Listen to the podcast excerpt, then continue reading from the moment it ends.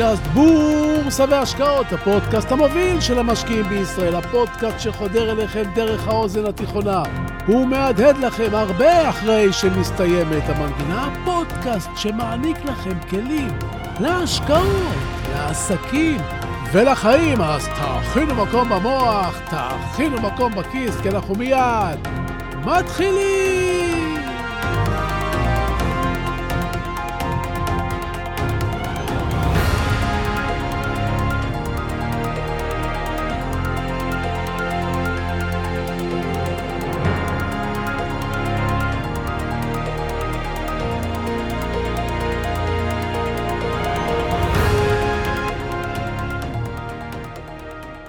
היה זה יום ראשון, השבעה בדצמבר 1941, שעה שבע וחמישים בבוקר. 360 מטוסי קרב, מפציצים ומפציצי טורפדו יצאו מנוסעות מטוסים יפניות, המריאו למתקפת פתע בשני גלים על יחידת הצי של ארצות הברית באוקיינוס השקט בנמל פרל ארבור שבהוואי. 360 מטוסי תקיפה שעולים לאוויר בפרק זמן קצר הם לא דבר של מה בכך. רק ארבע שעות לאחר מכן, בתום ההפצצות, כאשר שבו מטוסי התקיפה לנושאת המטוסים היפנית, הבינו האמריקאים את עוצמת ההרס. 2,403 אנשי צבא ואזרחים אמריקנים נהרגו. 18 ספינות מלחמה אמריקאיות הוטבעו. 164 מטוסים אמריקאים הושמדו, ועוד הרבה נוספים ניזוקו. מתקפת הפתע היפנית פתחה שורה ארוכה של חקירות בדבר נסיבות ההפתעה הגמורה וסיבותיה. וכמובן, פתחה מסע חיפוש אחרי האשמים לאסון. בעקבות ההתקפה ההיא, ארצות הברית הצטרפה למלחמת העולם השנייה שהתחוללה באירופה ונלחמה נגד גרמניה הנאצית ויפן.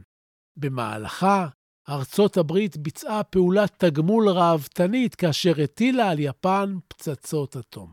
בספרה של רוברטה וולסטטר, ששמו פרל הרבור, התראה והחלטה, הספר שחקר את ההפתעה במתקפה היפנית על פרל הרבור נכתב כך: פרל הרבור היא דוגמה דרמטית ומתועדת היטב של מתקפה שקדמו לה אותות מבשרי רעה רבים ומגוונים. למרות זאת, הושגה בה הפתעה המוחלטת. סוף ציטוט. מעניין, חשבתי לעצמי כשקראתי את המשפט הזה, כי אני יכול להחליף את המילים פרל הרבור במילים מלחמת יום כיפור, וזה יתאים כמו כפפה ליד. הנה, שימו לב. מלחמת יום כיפור היא דוגמה דרמטית ומתועדת היטב של מתקפה שקדמו לה אותות מבשרי רעה רבים ומגוונים, ולמרות זאת, הושגה בה ההפתעה המוחלטת. אבל אני יכול להחליף את המילים האלה, מלחמת יום כיפור, במלחמת ה-7 באוקטובר 2023, ונקבל אותה תוצאה. ראו נא, מלחמת ה-7 באוקטובר היא דוגמה דרמטית ומתועדת היטב של מתקפה שקדמו לה אותות מבשרי רעה רבים ומגוונים, ולמרות זאת, הושגה בה ההפתעה המוחלטת. התיאור הזה של רוברטה וולסטטר נכון לא רק למלחמות. זה נכון גם למשבר הסאב פריים שהפיל את הבורסה ב-2008. הנה, אני אקרא זאת שוב. המפולת בבורסה ב-2008 היא דוגמה דרמטית ומתועדת היטב של מפולת שקדמו לה אותות מבשרי רעה רבים ומגוונים, ולמרות זאת הושגה בה הפתעה מוחלטת. וזה נכון, ידידיי, לכל מפולת אחרת. בבורסה, בנדל"ן ובחברות הציבוריות. נאסם טלב, שכתב את הספר ברבור שחור, ורוברטה וולסטטר, שערכה מחקר מקיף מאוד ורציני, שחקר את ההפתעה שהכתה באמריקה כאשר הצבא היפני תקף אותה, מציגים מסקנה אחת. המסקנה היא שהפתעות גדולות תמיד התרחשו. לא רק שהן התרחשו תמיד, גם נבין בדיעבד כי הכתובת הייתה על הקיר. כי הסימנים היו מולנו כל הזמן, ובכל זאת יצליחו להפתיע אותנו. כלומר, למרות שהופתענו, אנחנו עוד נופתע. ומדוע? מדוע אני מספר לכם את זה? חכו, חכו, מיד גם תבינו. שלום וברוכים הבאים לפודקאסט בורסה והשקעות, הפודקאסט המוביל של המשקיעים בישראל. והיום נדבר על הפתעות, על לוטות ותרחישים ועל הבורסה כמובן. אז פשוט תישארו קשובים, תהיו ממוקדים, תכינו מקום במוח, תכינו מקום בכיס, כי אנחנו מיד ממשיכים!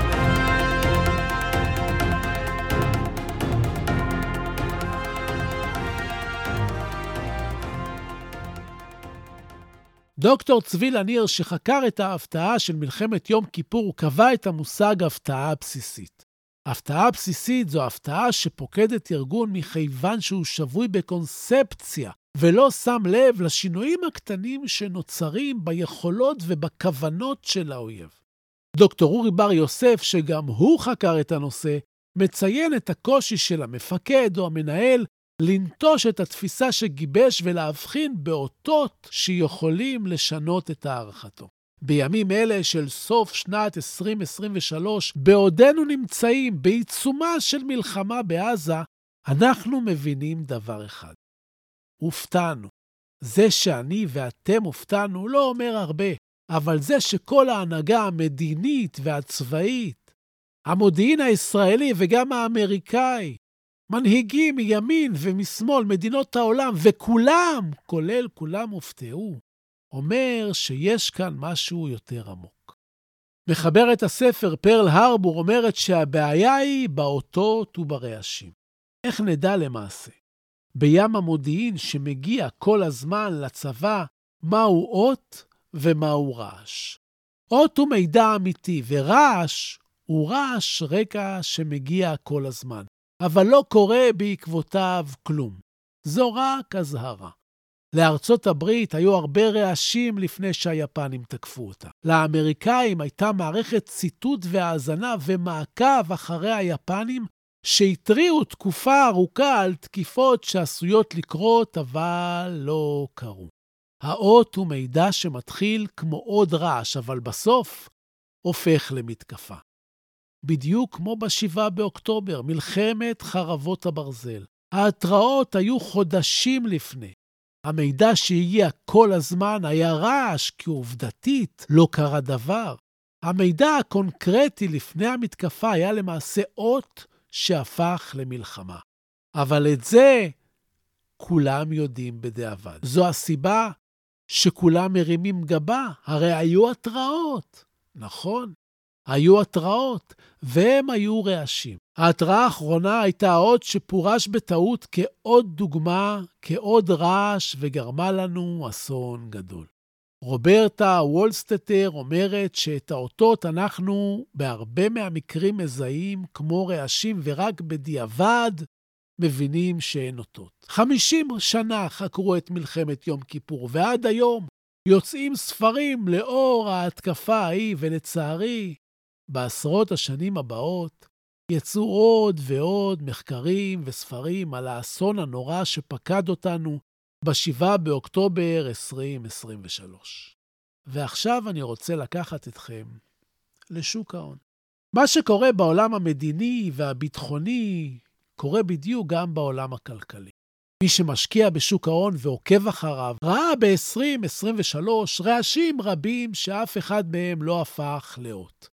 מי שעוקב אחרי שוק ההון ראה בשנת 2023 אזהרות על מיתון, נפילות, התרסקויות, פשיטות רגל של כל הבנקים בארצות הברית, גורמים שמזהירים שהנסדק ייפול בעשרות אחוזים ועוד הרבה רעשים.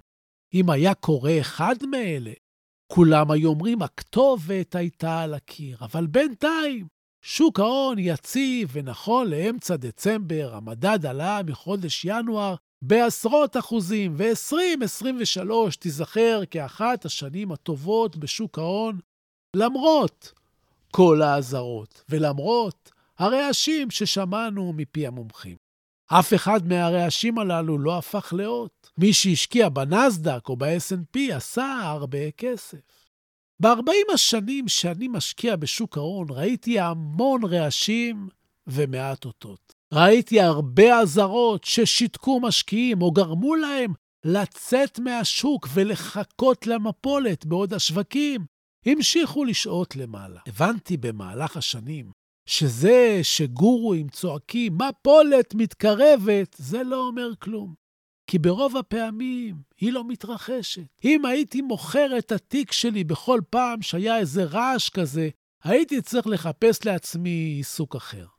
אבל יחד עם זאת, בכל זאת, גם היו פעמים שהרעש הפך לאות, והשוק כן נפל. אז מה עושים? מאחר שהבנתם שדי קשה להבין האם הרעש יהפוך לאות, פיתחתי לעצמי יכולת להגיב מהר למצבים בהם זה כן קורה.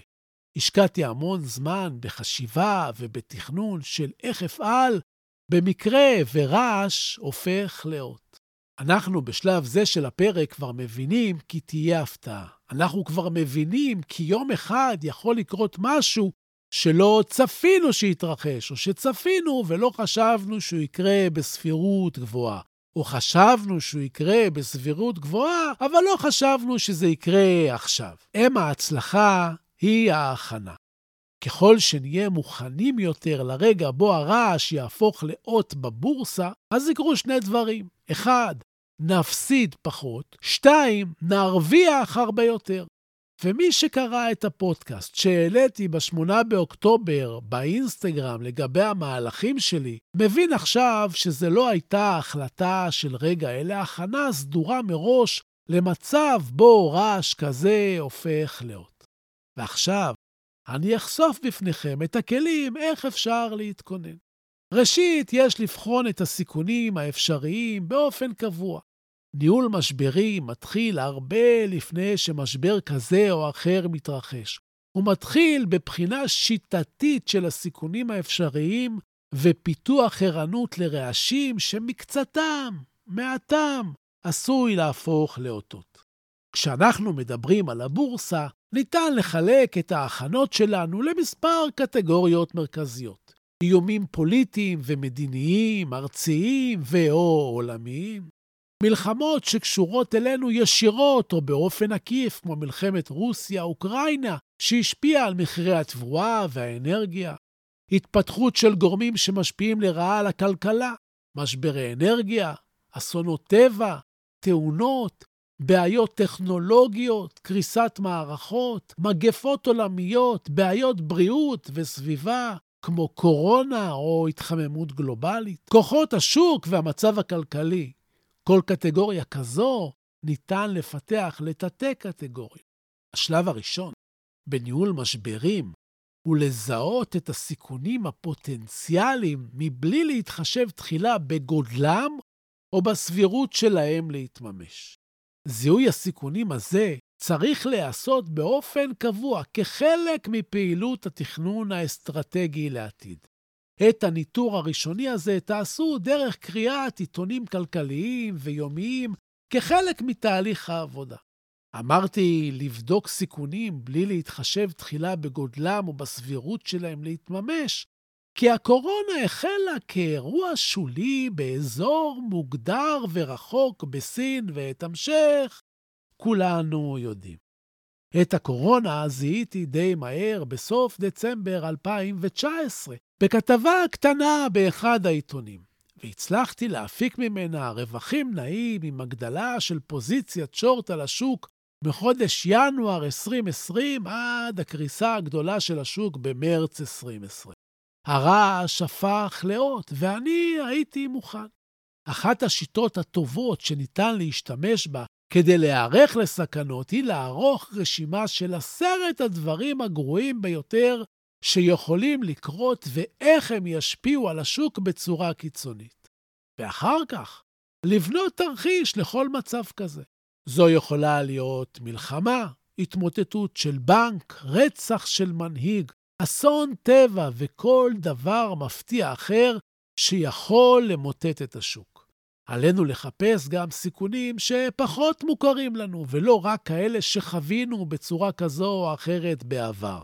בנוסף, כדי לקבל פרספקטיבה רחבה יותר על הסיכונים הפוטנציאליים לעסק, מומלץ לקרוא היסטוריה, לקרוא מאמרי דעה של בעלי שם, לחפש אסונות, קריסות ומשברים, וגם להאזין לפודקאסטים כמו זה שאתם מאזינים לו עכשיו. על רשימת הסיכונים שגיבשנו בשלב הקודם צריך לעבור באופן תקופתי וקבוע ולחפש סימנים. אם כתבתם רשימה והכנסתם אותה למגירה, היא תשכח שם עם שאר הדברים שיש לכם שם, ולכן חשוב לרענן מדי פעם. השלב הבא הוא להכין תוכניות מגירה למשברים מבעוד מועד, למקרה שהמשבר יתממש. תוכנית מגירה לא יכולה למנוע את המשבר הפוטנציאלי, אבל היא כן יכולה לייעל משמעותית את ההתמודדות איתו בבוא הזמן. תוכנית מגירה טובה היא אולי שני הגדודים שהיו חסרים לנו ב-7 באוקטובר על הגבול בין ישראל לעזה, שהיו משנים את התוצאה. משברים מטבעם מאלצים אותנו לקבל החלטות חשובות במהירות ותחת לחץ. תוכנית מגירה חוסכת לנו זמן יקר ומאפשרת לנו לקבל הרבה מההחלטות האלה מראש ולהקדיש לכל החלטה את המחשבה. אלה פעולות שקל לעשות בצורה שקולה ובהירה בזמן שגרה, אך כמעט בלתי אפשרי לעשות בזמן משבר שכבר מתרחש. כל מה שאנחנו זקוקים לו כדי להכין תוכנית מגירה זה להבין את היקפו של המשבר הפוטנציאלי, כולל כל דבר שעלול להשתבש ושיצטרך לקבל טיפול או תשומת לב. עלינו להגדיר את הפעולות שיש לעשות כדי לבלום, לנטרל או למגר כל השפעה אפשרית של המשבר הפוטנציאלי על תיק ההשקעות שלנו. כמו למשל, אולי למכור את התיק, ולהחליט מה עושים מיידית, כמו כניסה לפוזיציית שורט עצימה לפרק זמן, ולאחר מכן איסוף אגרסיבי של מניות או מדדים שנפלו בגלל אותו משבר. במשברים שאינם כלכליים, כמו למשל מלחמות שקשורות לישראל, אני מעדיף לאסוף מניות של בנקים בישראל, מכיוון שלטעמי הם הגופים הכי חזקים ויציבים ושמרניים. מעניין לעניין ובאותו עניין, יש כמובן לאפיין כל משבר ולהבין אם להשקיע ובמה להשקיע או על מה לעשות שורט. יש לבחון את התוכנית באמצעות סימולציות שמדמות את התנאים של המשבר הפוטנציאלי. הנקודה השנייה החשובה היא היכולת לזהות את המשבר בזמן. אחת הבעיות בניהול משברים היא שלא כל משבר מתחיל ברגע מכונן, ולא לכל משבר יש זיהוי ברור. יש הרבה רעשים, אתם זוכרים, נכון? משברים רבים מתחילים דווקא מבעיות קטנות שלא מקבלות מספיק תשומת לב וממשקיעים שמתעלמים מסימני אזהרה עד שכבר נהיה מאוחר. היכולת לזהות, לפעול מהר ובהחלטיות היא כרטיס הכניסה הניתן למועדון משקיעי העל. היכולת שלכם להגיע מוכנים לרגע כזה של הפתעה יכול להביא אתכם עם תשואה גדולה ממה שתעשו בעשר השנים הבאות. מחקרה פורץ הדרך של רוברטה וולסטטר בחן לעומק את הכשל המודיעיני של פרל הרבור. היא טענה כי איסוף המודיעין האמריקאי היה טוב מאוד, והבעיה הייתה בניתוח. היא טענה כי האותות החיוניים שיכולים היו להזהיר את הכוחות האמריקאים מפני סכנה, עבדו בתוך כמות הגדולה של הרעש. וולסטטר מדברת על נטיית המוח האנושי לאבד מידע בהתאם לקונספציות ולציפיות. לנו כבני אדם יש נטייה לאשר ולמצוא תימוכין שמה שאנחנו חושבים או רוצים שיקרה, באמת יקרה. זה מה שגורם לנו להיות עיוורים לסכנות. אם בעלי תפקידים היו בטוחים שחמאס מורתע והוא מחפש שקט ולא עימות, היה לו קשה יותר לפרש כל רעש כאיום. אם המצב היה שונה והיינו בטוחים שחמאס מחפש זמן טוב לתקוף, היינו מפרשים את אותם אותות, את אותם רעשים, אחרת. רוצה לומר שלאיך שאנחנו רואים את הדברים בעיני רוחנו, בתפיסתנו ובאופן חשיבתנו, יש חשיבות בהשפעה על הדרך בה אנחנו תופסים את העולם ומבינים אותו. אם תגיעו לתחרות סוסים ותצפו בשמונה סוסים מתמודדים במרוץ, לא תהיה לכם העדפה מסוימת או נטייה לחשוב מי מהם ינצח בטרם יצאו לדרך. אבל אם תבחרו בסוס מספר 6 ותהמרו עליו, הנטייה המחשבתית שלכם תייצר סיבות מדוע הסוס מספר 6 הוא הסוס הטוב ביותר, או מדוע הג'וקי, הרוכב שלו, הוא אחד המובילים. זה קורה לכם גם עם מניות שאתם מחזיקים. כשאתם קונים אותן, אתם מוצאים הרבה סיבות מדוע יש להם פוטנציאל גדול. לעומת זאת, מניה שיכולה להיות טובה יותר אם אתם לא מחזיקים בה, לא תקבל אצלכם ניקוד כל כך גבוה. כאן אנחנו מתחילים כבר לגלוש להטיות, אבל הזמן, חברים, הזמן של הפרק הזה כבר אוזל, אז לפינת הטיפים שלנו.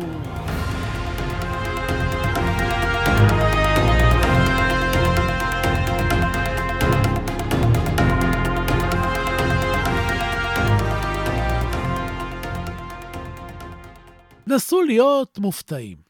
נסו להיות מופתעים ממשהו בכל יום. זה יכול להיות משהו שאתם רואים, שומעים או קוראים. ייצרו להביט על מכונית יוצאת דופן שחנתה על המדרכה. לטעום משהו חדש. להקשיב למשהו חדש. לראות סרט מז'אנר שלא ראיתם. אל תניחו שאתם כבר יודעים מהם הדברים האלה. או שהם לא חשובים. היו פתוחים למה שהעולם אומר לכם. החיים אינם אלא זרם של חוויות. ככל שתשחו באופן נרחב יותר ועמוק יותר, כך החיים שלכם יהיו עשירים יותר ואתם תהיו ערניים יותר על האותות. ועוד משהו, אחרי הפעולה ההיא בפרל הרבור, שתוצאותיה התבררו, הבין אחד הגנרלים היפנים את גודל המכה שהם הנחיתו על ארצות הברית. הוא הבין שהם הלכו רחוק מדי ואמר אז את המשפט, נראה לי שהערנו נמר מרבצו. בהמשך ספגה יפן פצצת אטום. ה-7 באוקטובר 2023, ממרחק של יותר מ-80 שנה מפרל הרבור, המשפט הזה אקטואלי יותר מתמיד. החמאס העיר נמר מרבצו. אז זהו לנו להיום.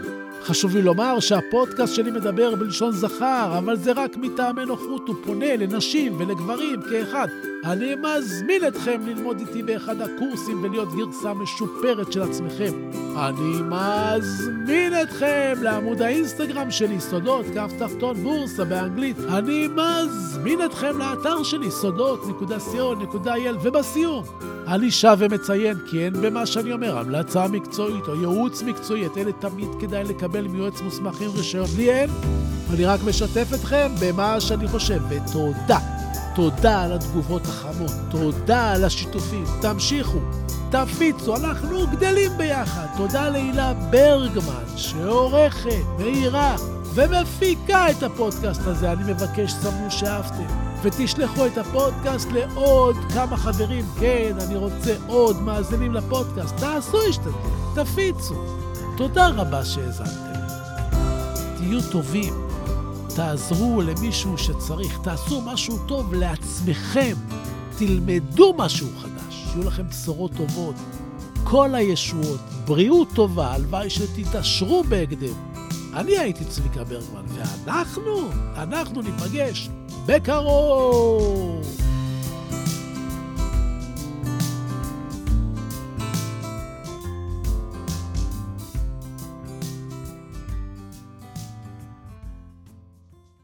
אם רודיארד קיפלינג, אם תוכל לשמור על שקט וקור רוח, עת מסביב לך שוררת מבוכה. אם בין מפקפקים תוסיף להיות בטוח, אבל גם לספק תדע לתת לבך. אם להמתין תוכל בלא להתייגע, אם ממרמה תרחק, עת היותך תסוב, אם בשנאה תוקף, ובה לא תנהגה, מבלי להיראות חכם מדי או טוב. אם כל חלומותיך יהיו לעבד, אם מחשבות לך כאמצעי בלבד. אם ניצחון תפגוש, או מפלה נוקבת, ובשניהם, בני בלע, תנהג מנהג אחד. אם תוכל לסבול דברים אשר השמעת, בהיסלפם להיות מלכודת לבורים, אם את מפעל חייך תראה שוקע מטה, ושוב תחל לבנות אותו מן השברים, אם לאסוף תוכל את כל דברי הערך אשר לך, לערמה ולסכנם, להפסידם ולצעוד מראש הדרך, בלא להפטיר מילה על שאבד חינם. אם לבבך יוסיף לפעום ללא מנוח, וגם בכבוד העול, בעול יהי מושך. ולא יחדל עת אבד ממך כל הכוח, כל עוד רצונך קורא אליו. המשך. אם בין המונים תחזיק במידותיך, ובחצר מלכות תדע לנהוג פשטות. אם לא יאכלו לך אויביך או רעיך, אם כל אדם תוקיר כיאה וכיאות. אם למלא תוכל, כל דקה לא נסלחת, בשווי ריצה למרחק של שישים שניות. לך, לך תהיה הארץ וכל אשר עליה. ועוד יותר מזה, בני, תהיה אדם.